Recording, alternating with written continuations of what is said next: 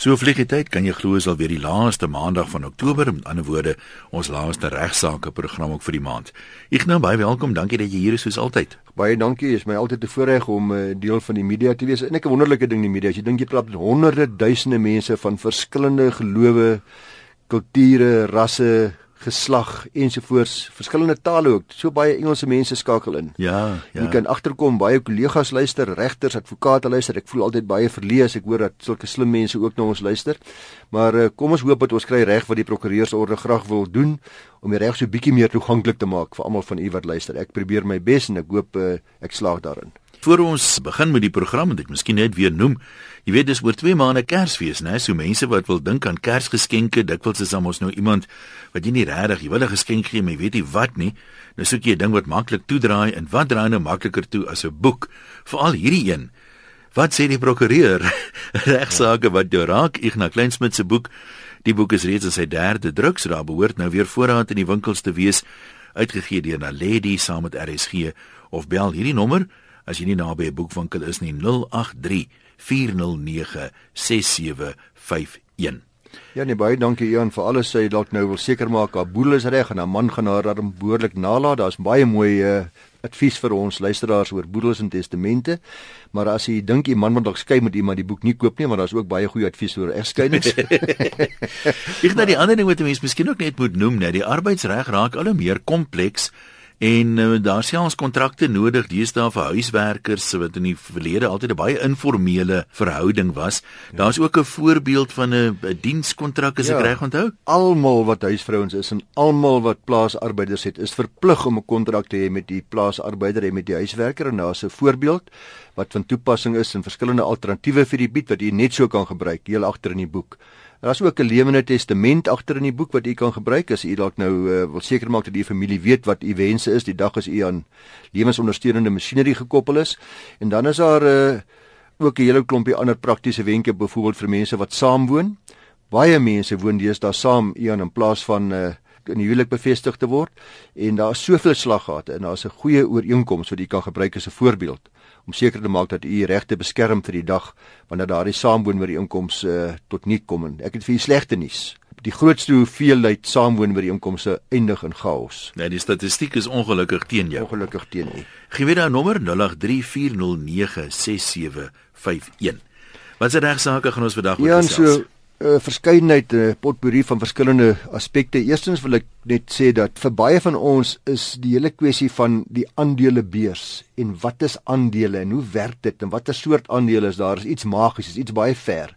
Ons is ook te skaam om te vra want mens klink half dom en uh, dit sluit vir my en baie ander mense in wat nie elke dag daarmee werk nie. En ek het Saterdagoggend 'n e-pos gekry van iemand wat sê Hy weet dit klink dom. Dis wat sy woorde is in die epos. Ek weet, hy sê Ignas, ek weet dit klink klink nou dom. Ek weet hoe hy voel. Maar maar wat is 'n voorkeur aandeel? Nou ek weet presies hoe hy voel want ek dink daar's bitter min mense ons lees elke dag van aandele en voorkeur aandele en uitgestelde aandele maar ons het baie keer nie die vaagste benul wat dit werklik is nie. Hy sê dan wat sê die maatskappy wetgewing? Ek is beslis nie 'n kenner nie, maar ek het daarom 'n bietjie gaan lees en ek het gekyk wat Nico van Geysen uh, wat 'n bekende is vir ons hieroor sê. Hy sê dat eerstens moet dit belangrik om te onthou dat aandelehouding in 'n maatskappy beteken bloot dat die aandeelhouer 'n deel van die onderneming se aandele kapitaal besit. So jy moet onderskei tussen 'n aandeelhouer en 'n beslote koöperasie want daar praat ons van 'n ledebelanghouer. As jy besit 'n deel van die onderneming se aandele kapitaal, die aandeelhouer het nie 'n reg op die netto bates van die maatskappy nie, maar hy het wel 'n reg op dividende wat verklaar word. So dis 'n belangrike eienskap en sou die maatskappy byvoorbeeld nou gelikwideer word, bankrot verklaar word, dan sal elke aandeelhouer reg hê op die prorate verdeling van die bates wat daar in daardie maatskappy sou wees. Dan uh, kyk ons na die drie tipes aandelehouding. Ons kry voorkeur aandele wat hierdie luisteraar oor gevra het. Kry gewone aandele en uitgestelde aandele. Nou uh die luisteraar wat die briefie geskryf het, 'n voorkeur aandeel is by verre weg die lekkerste en die beste in die aandeel om te hê. Want Hy bied in die houer daarvan 'n mate van sekuriteit. Dis die gewildste opsie ook. As mens dit kan kry is dit die is dit die eerste prys. Juis omdat dit 'n belofte bied van 'n sekere persentasie opbrengs uit die kapitaal wat in die saak belê word, ongeag die wins wat gemaak word. So ek het klaar daardie sekerheid. Terwyl die gewone aandeel word die risiko van die saak gelykop, sinvol tussen al die aandeelhouers versprei omdat hulle direk gekoppel is aan die finansiële sukses of mislukking van die maatskappy. Dis gewone aandeelhouers is eers geregtig op dividende nadat voorsiening gemaak is vir die uitkeer aan voordeel aan uh, aandeelhouers en nadat dividende verklaar is. So daar's geen beperking op die bedrag van die dividende of op die verdeling van die bates sou die maatskappy gedekodeer word nie. So 'n bietjie anderste en 'n bietjie beter. En dan is daar ook uh, wat wat mos nie gereeld kry nie as jy uitgestelde aandeelhouers. Hulle daarenteen sal eers geregtig wees op dividende nadat die voorgeskrewe minimum dividend aan gewone aandeelhouers verdeel. So hulle staan derde in die ry of dan laaste in die ry. So ek hoop dit help vir julle 'n bietjie. Dis dalk nog steeds 'n bietjie Grieks, maar dit is belangrik om te weet dat 'n voorkeur aandeel is die beste en dan is dit gewone aandeelhouers en dan is die uitgestelde aandele daar. Luisteraars, ons uh, strafreg het baie streng toetse voordat mens skuldig bevind word. Die Pretoria saak het weer vir ons 'n klomp dinge gewys en ons luisteraars dink ek bietjie nader gebring aan wat is redelike twyfel en uh, wat is bo redelike twyfel en al die dinge wat daarmee saamgaan. Want die toets is om te bewys dat iemand skuldig is bo redelike twyfel.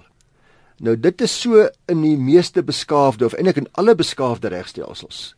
En ook in Suid-Afrika is goed so, en dis reg so, dit moet so wees. Want daar's tragiese en traumatiese gevolge as 'n mens onskuldig is en jy word per ongeluk omdat die toets nie behoorlik deurgevoer is nie, skuldig bevind en jy beland in 'n tronk vir baie jare lank. Suid-Afrika het 'n plig en dis werklik so in Suid-Afrikaanse reg is daar 'n plig by aanklaers. Hulle het 'n primêre rol wat hulle speel. Hulle moet seker maak dat alle feite voor die landros geplaas word. Anders hulle moet nie probeer om te alle koste iemand skuldig te bevind nie. Dis nie billik nie. Dan dan dan doen hulle hulle werk goed nie. Ja, hy's ook 'n amptenaar van die hof. Hy's 'n amptenaar van die hof en hy moet ook billikheid en geregtigheid geskied en as hy feite het wat kan help om die persoon wat hy aankla onskuldig te bevind, dan moet hy daardie feite ten volle aan die hof openbaar. Met ander woorde, hierdie volgens waansin waarin sommige aanklaers lê, sê die wet baie spesifiek en sê die etiese reëls en sê die gemeenereg is onbillik, dis nie reg nie. Hy moet die hof behoorlik inlig oor alles wat hy weet. Nou, sekere meneer Molula het saam met nog twee mans in 'n huis gewoon en ook saam met die slagoffer in hierdie geval. Uh die slagoffer in hierdie geval is iemand wat beweer het dat Molula het haar verkrag, se kind Uh, en hierdie kind het uh, vir Melula geïdentifiseer as die man wat haar twee keer in 2004 in die slaapkamer in die huis waar hulle almal saam gewoon het verkrag het. Sy het later in kruisverondervraging in die hof toegegee dat sy het gedink Melula as haar aanvaller. En die meisie het uh, toe na hierdie verkrachtings vir 'n lang ruk stil gebly omdat sy beweer dat haar aanvaller het daarmee die dood gedreig. Dit het toe aan die lig gekom nadat 'n dokter 'n geslagsiekte by haar gediagnoseer. Sy het toe siek geword en sy het toe herpes gehad, die geslagsiekte en hierdie persoon het deurentyd in die tronk aangehou dat hy is onskuldig. In die appelhof het toe gehoor dat uh, sodra iemand herpes 2 het, dis die siekte wat die wat die kind gehad het, die die meisie, die beweerde verkrachtingsslagoffer, dan bly die siekte lewenslank in jou bloed. Dit is uh, moontlik om 'n draer van die siekte te wees sonder dat jy dit weet en daar's toe beveel dat omdat Molula uh, aangehou het dat hy onskuldig is, dat hy nie die siekte kon oordra nie, dat hy hierdie bloedtoetse moet ondergaan en die bloedtoetse wat eers toe November 2008, 4 jaar later gedoen is, dui daarop dat hy nie met herpes 2 besmet is nie. Onthou nou dat hy moes dit gehad het om hierdie siekte aan die aan die dogter aan die aan die kind te kon oordra. In 8 jaar nadat Joseph Mufumala Mulula in die Sekunda streekhof tot 15 jaar tronkstraf gefonnis is, is hierdie bloedtoets as nuwe getuienis in die appelhof in Bloemfontein ingedien om sy onskuld te bewys. Nou dit is tragies, nê? Nee, dit wys jou maar net weer. Die aanklaer het nie seker gemaak dat hierdie bloedtoets gedoen word of dat dit behoorlik voor die hof geplaas word nie. So hy het 8 jaar in die tronk gesit en appelregter Fritz Brandt het ook dan gevra waarom die staat nie lankal vir Molula vir 'n bloedtoets gestuur het nie, want hulle het geweet dit is herpes 2 wat oorgedra was. Hulle het geweet dat dit is maklik om seker te maak hy skuldig of onskuldig deur hom net te toets. So as die hof het die die staat baie erg gekritiseer. So maar net weer 'n keer uh, dis maklik om te sê die Fabond is skuldig of ek weet hy skuldig of ek dink hy skuldig of alles dui daarop hy skuldig, maar om die voordeel van die twyfel iemand te gee is 'n baie belangrike beginsel in ons reg wat baie nou gesê deur ons howe toegepas behoort te word. Die ding natuurlik met hierdie voorbeeld is hier was nou toevallig onweerlegbare mediese bewyse maar ja. dit is dit kon net sowel nie so gewees het nie dan het die arme man nou maar gesit en sy vonnis uitgedien hè korrek ja 'n baie beter voorbeeld dalk wat meer algemeen is is wanneer daar staatsgetuies is nou is daar vier staatsgetuies wat ek nou van bewus ek is die aanklaer ek moet nou besluit of ek gaan vervolg of nie nou is daar twee staatsgetuies wat sê hulle duidelik gesien dit is meneer so en so en so wat hierdie misdaad gepleeg ja. hulle was by gewees maar daar's ander staatsgetuie wie se verklaring ek ook het wat sê, "Maar wie wat hy weet, dit was nie meneer so nie want meneer so en so het daardie stadium saam met hom gedrink by die Sibin." Of hy het eintlik gesien meneer so en so het 'n moesie op sy wang en die persoon wat die verkrachting gedoen het, dit nie 'n moesie op die wang gehad nie of wat ook nogal. Ja, ja. Nou moet die aanklaer besluit. En nou gaan die aanklaer net die eerste twee getuies roep. Hy sê nie vir die verdediging van hierdie derde getuie wat eintlik 'n ander lig op die saak gaan werp nie en wat dalk die hof anders kan oortuig nie en hy steek daardie getuie weg. Hy weerhou daardie getuienis van die hof en dis wat ek sê.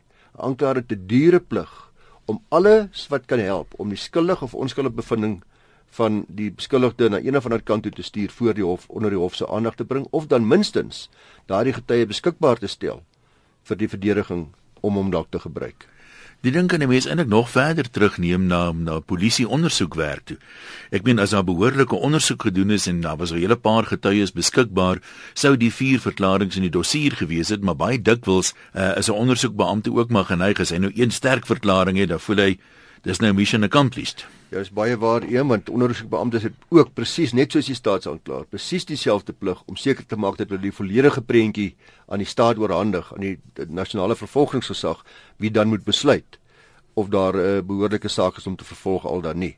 En dan moet die hof uiteindelik maar al die getuienis opweeg en besluit of daar redelike twyfel is en of die staat sy saak dan bo redelike twyfel bewys het. Luisteraars, uh, ons in Suid-Afrika bly al hoe nader aan mekaar. Daar's al hoe meer woonstelblokke en al hoe meer uh, groot wolkekrabbers waar mense in mekaar se gesigte woon. En die vraag vandag is my buurman in die woonstel bokant my, se stort lek.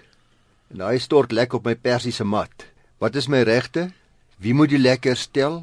Ek moet of my buurman of dalk die regspersoon en ek het 'n baie mooi artikel gekry en 'n in kollegas vir my daarin Port Shepstone, eh, Barry Botha in Breitenberg. Ag, daar's 'n uitstekende prokureur en goeie ou vriend van my Piet Fourie wat ook daar praktiseer. In hulle nuusbrief het hierdie aspek mynsinsiens baie mooi aangespreek en 'n baie mooi insetting en raad gegee wat ek gaan gebruik. Al hoe meer van ons sê ek woon in wolkekrabbers en 'n verder probleem is dat die deeltitelwet oor baie aspekte wat daagliks die lewe van deeltitel eienaars raak, dat die wet daaroor swyg en, en nie heeltemal duidelik is daaroor nie. Nou gestel nou is 'n waterlek hierdie woonstel bokant my. Uh dis vogprobleme wat in my woonstel nou veroorsaak word of dit lek op my houtkaste of op my persiese matjies ek gesê het of wat ook al. En my buurman in die woonstel bokant my doen nou net niks aan hierdie lekkasie nie. En die vraag is nou wie moet nou regmaak? Kan ek die regspersoon nou vra van die eenheid waarin ek woon om dit te doen? En kan hulle doen sonder toestemming van die boonste eienaar? Kan hulle sommer sy perseel betree en gaan sê meneer, hier is ons nou vandag, ons kom regmaak? Wat kan hulle doen indien die boonste eienaar hulle toegang weier? En vir wie kan ek dagvaar vir die skade wat nog daagliks aangaan terwyl hierdie proses in die gang is? Kan die skade dalk van die regspersoon se versekerings geëis word? Is hulle verplig om versekerings te hê? Wat hoe werk hierdie goed? Wat hoe pas dit in mekaar nou artikel 44.1 van die deeltitelwet saamgelees met die standaard bestuursreëls die wat in die wet uh, afgekondig is wet uh, dis bestuursreëls 68 tot 70 van die deeltitelwet bepaal dat 'n eienaar se eenheid moet herstel sy moet met 'n eenheid moet herstel word en in 'n goeie toestand onderhou word. Dis eerstens belangrik die eienaar van 'n eenheid moet sy eenheid in 'n goeie toestand onderhou. Die eienaar moet ook toelaat dat 'n persoon gemagtig in skrif deur die regspersoon sy eenheid betree op 'n redelike tyd. Ek sê redelik sal ons seker hier sê na kennisgewing verskaf is. Behalwe in noodgevalle natuurlik waar kennisgewing onnodig is, ten einde pipe, drade, kabels, afvoerpype, ag al die soort van dinge wat gebruik kan word in verband met genot van 'n ander eenheid. Dit wat deel is van die totale ja. gebou of die gemeenskaplike eiendom, dit te inspekteer, in stand te hou, te herstel en te vervang soos nodig. So hierdie artikel sê basies in neutedop hou jou eie ding behoorlik in stand, jou eie eenheid, maar laat mense toe om te kom kyk na goed wat gemeenskaplik van aard is wat ook op ander eenhede van toepassing is, soos pipe en drade en kabels. Artikel 37 van hierdie selfde deeltitelwet vereis dat die regspersoon die gemeenskaplike eiendom moet onderhou en herstel. So onthou ek my eie eiendom onderhou en herstel, die regspersoon moet die gemeenskaplike eiendom onderhou en herstel. En hier is nou baie duidelik dat indien 'n lekkasie afkomstig is van pipe wat gebruik word deur meer as een eenheid, dis gemeenskaplike eiendom. Dis nou geleë in die skei mure gewoonlik tussen die twee eenhede dat die pipe dan die verantwoordelikheid is van die regspersoon om in stand te hou. Soos daardie waterlek wat ons nou van praat. Aan die ander kant is dit die verpligting van die eienaar om byvoorbeeld weer die warmwaterinstallasie wat sy eenheid bedien te onderhou. My geyser wat net vir my ja, eenheid bedien. Ja. Uh of waar die installasie as 'n eenheid bedien, aan die ander wyse 2 of 3 eenhede, dan moet al die eienaars gebruik maak van daardie geyser of daai installasie dit pro rata onderhou. Al is die geyser geleë op die gemeenskaplike eiendom en al word dit dalk verseker deur die regspersoon se versekerings. Om dit nou nog moeiliker en ingewikkelder te maak, nou wie sal verantwoordelik wees vir die vir die verstel van skade wat nou veroorsaak word deur water as gevolg van die stort in 'n een eenheid se bodem wat nie behoorlik geseël is nie. Aan die ander woorde, dit lek nou hier van my stort af, lek dit nou deur. Aan die ander woorde, die boonste eienaar is dalk nie eens bewus daarvan nie. So lekker niks te doen met die pype nie, sê Barry Boot aan Breitenberg en die stortbasis vorm nie deel van die gemeenskaplike eiendom nie. En weer eens is die deeltitelwet swyg hieroor. Geen nie 'n antwoord nie. Uh, maar kom ons kyk ook wat sê die wet in verband met versekerings. Artikel 37 1F 37 subartikel 1 subartikel F van die deeltitelwet bepaal dat die regspersoon die geboue van die skema teen brand en sodanige ander risiko's moet verseker soos voorgeskryf word en bestuursreëls 29 die standaard bestuursreëls 29 maak spesifiek voorsiening vir die bars of oorloop van pype. So hier's nou 'n duidelike aanduiding 'n gedeelte van die deeltiteleienaar se heffings word dan deur die regspersoon gebruik om te betaal vir die versekerings van hierdie strukture. Dit is baie duidelik dat die eienaar wat skade gely het as gevolg van 'n waterlekkasie in staat behoort te wees om 'n eis in te dien vir die herstel van die skade en uh, hy sal dan aan die trustees moet vra om die eis namens hom in te dien want dit is deel van die versekerings van die gehele eenheid wat hulle verplig is om uit te neem volgens die wet. Uh want daai versekerings word in die naam van die regspersoon van die skema uitgeneem. Die versekeringsmaatskappy sal dan bewys van die herstelwerk van die deeltitel eienaar wat die skade gelei het of die regspersoon wat die herstelwerk uitgevoer het, wat ek nogal die geval mag wees verlang voordat hulle gaan uitbetaal. Maar dit is belangrik luisteraars vir die regspersoon om te verseker dat hulle hierdie bestuursreëls behoorlik nakom en dat hulle verseker maak dat hulle versekerings in plek is, soos wat die wet dit voorskryf. Sommige polisse verwys byvoorbeeld na gevolgskade. Hierdie tipe klousules in 'n polis kan dan byvoorbeeld skade aan plafonne of matte of houtkaste wat beskadig is, die gevolg van die lek. Nie net ja, die lek ja. wat ek moet regmaak nie, maar ook al die gevolge. Dit sal aan alles lek wat dan uh as gevolg van die lek veroorsaak is en sommige regspersone maak seker dat hulle liewers ter wille van die vrede en dit sal ek ook sterk aanbeveel. Liewers uh weier die versekeringsdekking vat, ook die gevolgskade dek as wat die wet hulle verplig om te doen. Ja, maar dit kan nogal hand uitdruk. Jy weet, 'n ou weet nooit hoeveel dit kan beloop nie, maar onder omstandighede kan dit beduidend wees. Ja, ek het nou net gesê, kom ons sê dit is die persiese mat en hy's 50000 rand werd ja. of of, uh, of da ek net dink wat alles kan nat word as jy nou dink aan goed met sentimentele waarde. Uh jy weet uh, mooi filmalbums, uh, fotoalbums, die soort van dinge, waardevolle dokumentasie. Jou video van die 95 wêreldbeker eindstryd Nou praat jy. die nuusbrief uh, bied dan ook 'n oplossing aan en stel voor dat die boonste eienaar verantwoordelik behoort te wees vir die skade wat deur die boonste stort veroorsaak word aan die onderste eenheid. Indien so 'n boonste eienaar nou nie die lekkasie binne redelike tyd herstel om verdere skade te voorkom nie, dan kan die eienaar wat die skade ly die regspersoon vir hom in te gryp om self die lekkasie te herstel. En soos reeds gesê het, so regspersoon aan die toegangsreg tot daardie perseel waar 'n lekkasie veroorsaak word. Die regspersoon kan dan die herstelkoste van die boonste eienaar verhaal. Dis natuurlik nog steeds moontlik dat die eienaar wie die skade gelei het in sy eenheid. Hy kan dit ook probeer verhaal van die versekerings waarna ek verwys het, hoewel gevolgskade soms nie gedek is nie. So dis is duidelik die pligluisteraars om te herstel uh, in die meeste gevalle van waterdekkasie is die regspersoon se plig in die meeste gevalle waar dit in die gesamentlike mure is. Daar is slegs by uitsondering die eienaar van die eenheid sal wees waar dit byvoorbeeld sy stort is wat gelek het nie die nie die pype nie. Uh, daar word ook voorgestel dat die oplossing natuurlik sal wees dat die twee deel deeltitel eienaars dit onder mekaar moet oplos, dat dit by gesprek by goeie kommunikasie moet opgelos word en dat indien die eienaar wie se eenheid die oorsaak is van die lekkasie dit nie wil herstel nie, dat mens dan eers die regspersoon betrek uh om die skade te herstel en van die van die ander eienaar te herhaal. Maar uh maar altyd maar probleme as mense in 'n wolkekrabber woon as jy uh genoop is om baie nou saam met jou buurmense te lewe en die beste advies wat ek kan gee, leef in vrede. Praat met mekaar en maak planne want môre is dit weer jou beurt. Mense kan ook seker dit verder terugneem en sê voor jy koop, kyk maar so 'n bietjie oor die algemene die instandhouding van die gebou want ek meen party geboue kan 'n mens sommer sien hier hou die ouens se hand op 'n ding, ander dit so 'n bietjie van 'n dis nou miskien 'n ouer gebou bietjie verwaarloos en jou kans om hierdie tipe van probleme te hê met watertoevoerpype en lekkasies moet sekerlik groter wees dan. En hier is nou weer 'n goeie les in hierdie voorbeeld wat ek nou gegee het vandag dat kyk ook na wat presies is alles by jou heffing ingesluit. Dalk nie te gaan sê hoor jy hierdie ek gaan hierdie plek koop en hierdie heffing is net R1000 'n maand en die woonstelblok langs aan is R2000 'n maand nie. Daar's 'n rede hoekom dit 1000 en die ander 2000 is want die een het behoorlike versekerings bevolk soos ons nou gehoor het. Behoorlike omvattende dekking wat ook gevolgskade insluit. So dan is al die probleme opgelos as die versekerings net behoorlik in plek is. Ek dink ons kan ook so 'n korterige onderwerp inwerk. Mevrou van Reyneveld van Randburg sê haar skoonpa is oorlede. Hy was 'n weewenaar. Dis nou 2 jaar lank en die huis waar hy gewoon het staan steeds leeg. Hy sê sê die huis verniel baie. Uh daar is probleme met die afhandeling van die boedel. Daar's onder andere 'n hofsaak blykbaar oor aandele in 'n besigheid wat aan die oorledene behoort het. Nou vra sy eintlik die vraag wat belangrik is: kan nie eksekuteer nie, maar intussen die huis verkoop nie. Die huis verval sê sy. Sy sê die eksekuteur is nie 'n prokureur nie, hy's 'n vriend van haar skoonpa gewees. En hy sê hulle moet wag totdat die saak in die hof afgehandel is en dan sal die boedel gefinaliseer word. So die vraag wat ons eintlik vra luisteraars is: kan boedelbates verkoop word voor die afhandeling van die bereddering van die bestorwe boedel en die goeie nuus vir ons luisteraar is vir mevrou van Reyneveld ja beslis. Daar's geen rede vir die eksekuteur in hierdie geval om te wag totdat ander hofsaake afhandel is of ander probleme wat die boedel mag hê nie.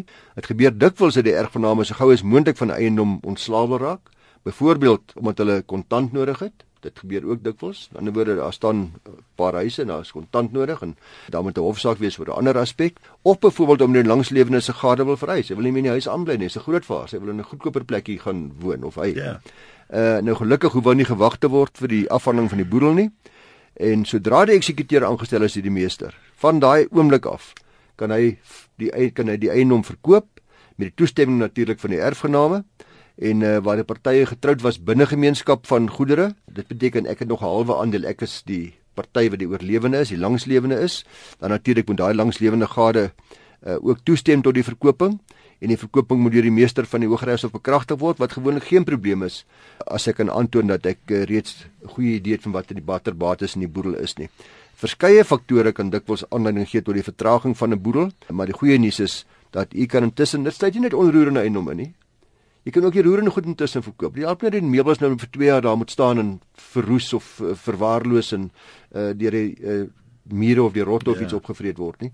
So uh, in plaas van dit te stoor, dit wat jy nie wil hê nie, verkoop jy so gou as moontlik. Nou uh, ons sê nou die eksekuteur hoef nie te wag nie. Dit is nie duidelik uit die brief uit wat die rede is hoekom hy uh, wil wag nie of hy voel hy moet wag nie. Maar uh, kom ons sê hy neem nou kennis van die regsposisie, is hy een of ander manier hoe mense hom kan ooreed om wel voort te gaan, is dit dit in die belang is van die erfgename? Uh, wat kan gebeur uh, ja normaalweg is dat die erfgename sal nou 'n aanleiding van hierdie program waarskynlik mevrou van Reyneveld vir die eksekuteur gaan sê wie wat die regsposisie is dat jy kan hierdie plek dadelik verkoop. Jy's verkeerd. Jy lees die ding verkeerd. Die eksekuteur is heeltemal gemagtig om natuurlik sy eie goeie regsadvies te gaan kry wat hy hopelik sal doen en uh, enige prokureur uh, of eksekuteur wat uh, wat normaalweg of 'n trustmaatskappy wat hierdie werk doen sal dadelik vir die eksekuteur sê meneer jy kan hierdie plek hierdie bates verkoop. Dit mag natuurlik wees en dit sal mevrou Verreyneval dalk nou nie weet nie nou daar ander redes is waarom die sy sê die rede is omdat daar 'n ander hofsaak is oor aandele in 'n besigheid. Dit mag wees dat daar teenstrydige eise is op hierdie eiendom dat daar 'n vruggebruik is dat daar 'n uh, Probleem ja, is dat die ja. verband groot hoër is as wat die opbrengs van die huis moontlik kan wees. So daar kan 'n klomp ander redes wees, maar die normale situasie is dat die bank wat 'n verbandhouer is, sal normaalweg ook so gou as moontlik daardie huis wil verkoop. Want onthou die verband loop al hoe hoër en hoër en hoër. Uh, hy staan nie stil as gevolg van die van die afsterwe van die uh, eienaar nie. Die verbandspaemente is verskuldig sodat die kontant word daardeur gedreineer as daar kontant in die boedel is en daar's talle redes waarom vaste eiendomme wat die erfgename nie wil hê nie ander woorde wat nie oorgedra word aan 'n erfgenaam omdat hy of sy die die huis geërf het nie. Hoekom dit so gou as moontlik verkoop moet word. Dit is net dit voordeel van alle erfgename. En die eksekuteur kan luister na die potgooi van hierdie program op www.rsg.co.za.